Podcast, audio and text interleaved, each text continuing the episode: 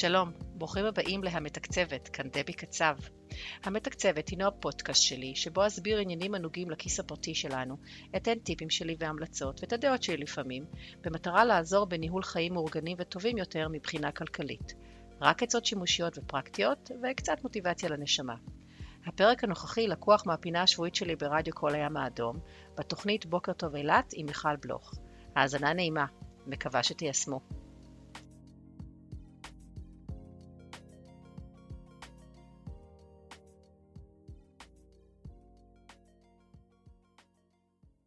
חוקים חדשים אה, במדינה הזו, כן, יש חוק חדש, יש כמה דברים חדשים, אבל אחד מהם קשור אה, לפינה שלנו היום. בוקר טוב, דבי קצב. בוקר טוב, מיכל. מה נשמע? ראית את הפרסמות עם חיים הכט? שמעתי אותם ברדיו, תתפלאי, זה גם רץ אצלנו. אני יודעת, גם שמעתי ברדיו. פיזית לא ראיתי אותן. ביוטיוב זה רץ, בכל מיני מקומות. אה, מהראשון לראשון, שבוע הבא, יש אה, חוקים חדשים, הגבלה על הסכום שניתן לשלם במזומן. אז תני לי רגע לראות אם אני זוכרת. אה, עסקים זה עד 11,000 שקלים? נכון? כן, בערך תכף אני אחדד, כן. אוקיי, ופרטיים זה עד 50,000 שקלים. נכון. אז אני מקשיבה אה, לפרסומות. יפה, את בכלל למדת כבר תלמידה מצטיינת. אז אה, קודם כל, למה בכלל יש את החוק הזה? אז אה, לכאורה, כדי לסייע להיאבק בהון השחור, בפעילות פלילית, העלמות מס, הלבנת הון, אפילו מימון טרור. אוקיי? Okay. לעשות אוקיי. צדק, אה, ובעיניי זה הכי חשוב לעשות צדק עם אוכלוסיית משלמי המיסים כחוק. כי מי שמקבל אה, תשלום במזומן, אני מדברת כרגע על בעלי עסקים, סביר להניח שהם לא. לא, לא תמיד, אני, סליחה, אני אסייג את זה.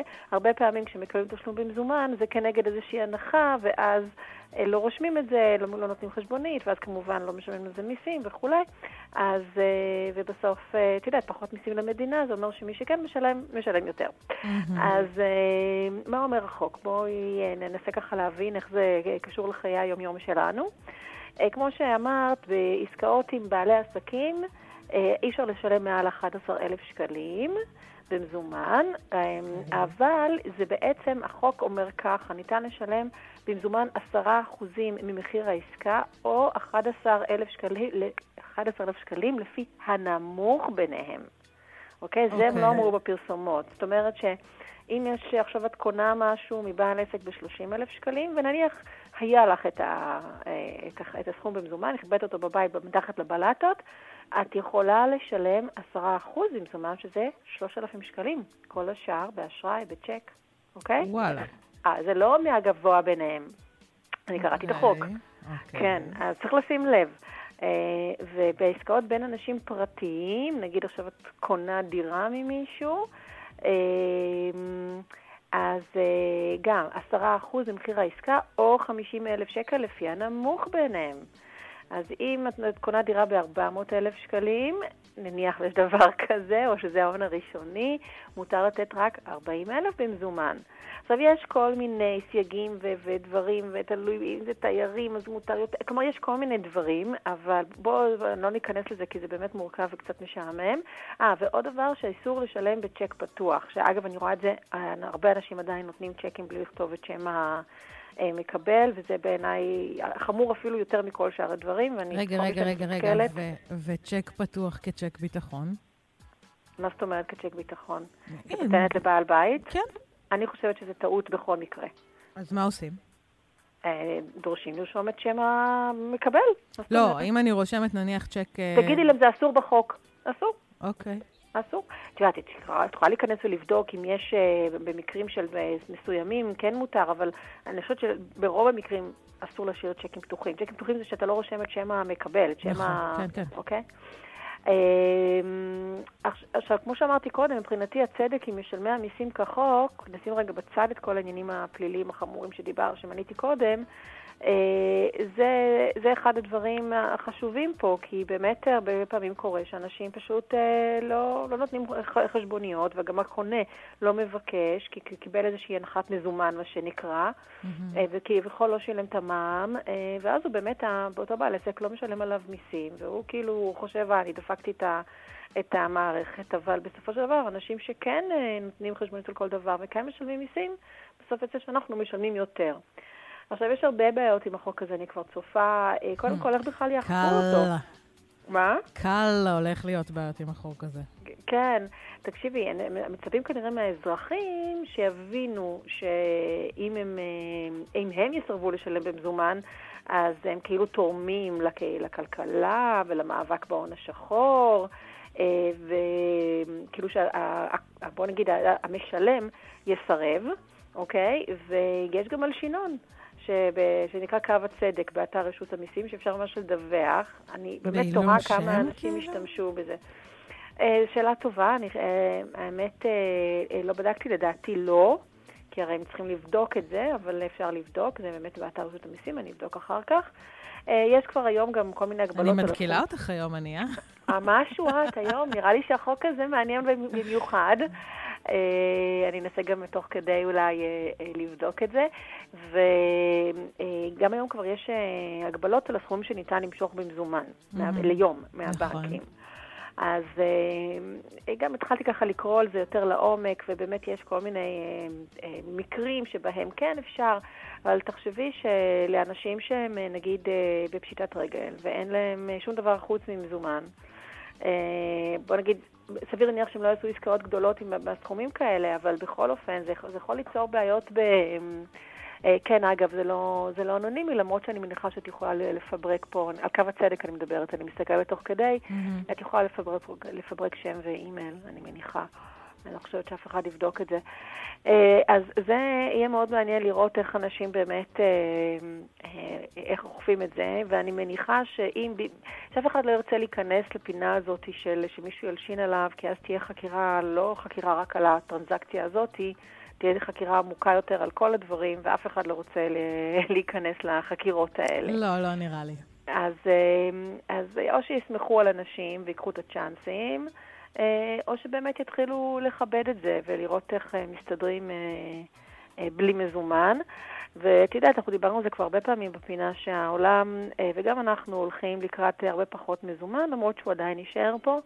ואחד הדברים שקשורים לזה, כאילו הצד השני, בערך הצד השני של אותו מטבע, זה כרטיסי הדביט.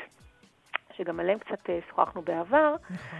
אה, שבדרך, עכשיו, כרטיס דביט, את זוכרת אה, מה זה? אני אני, אני. פשוט מוציאה עכשיו מהפלאפון. לא, לא, לא.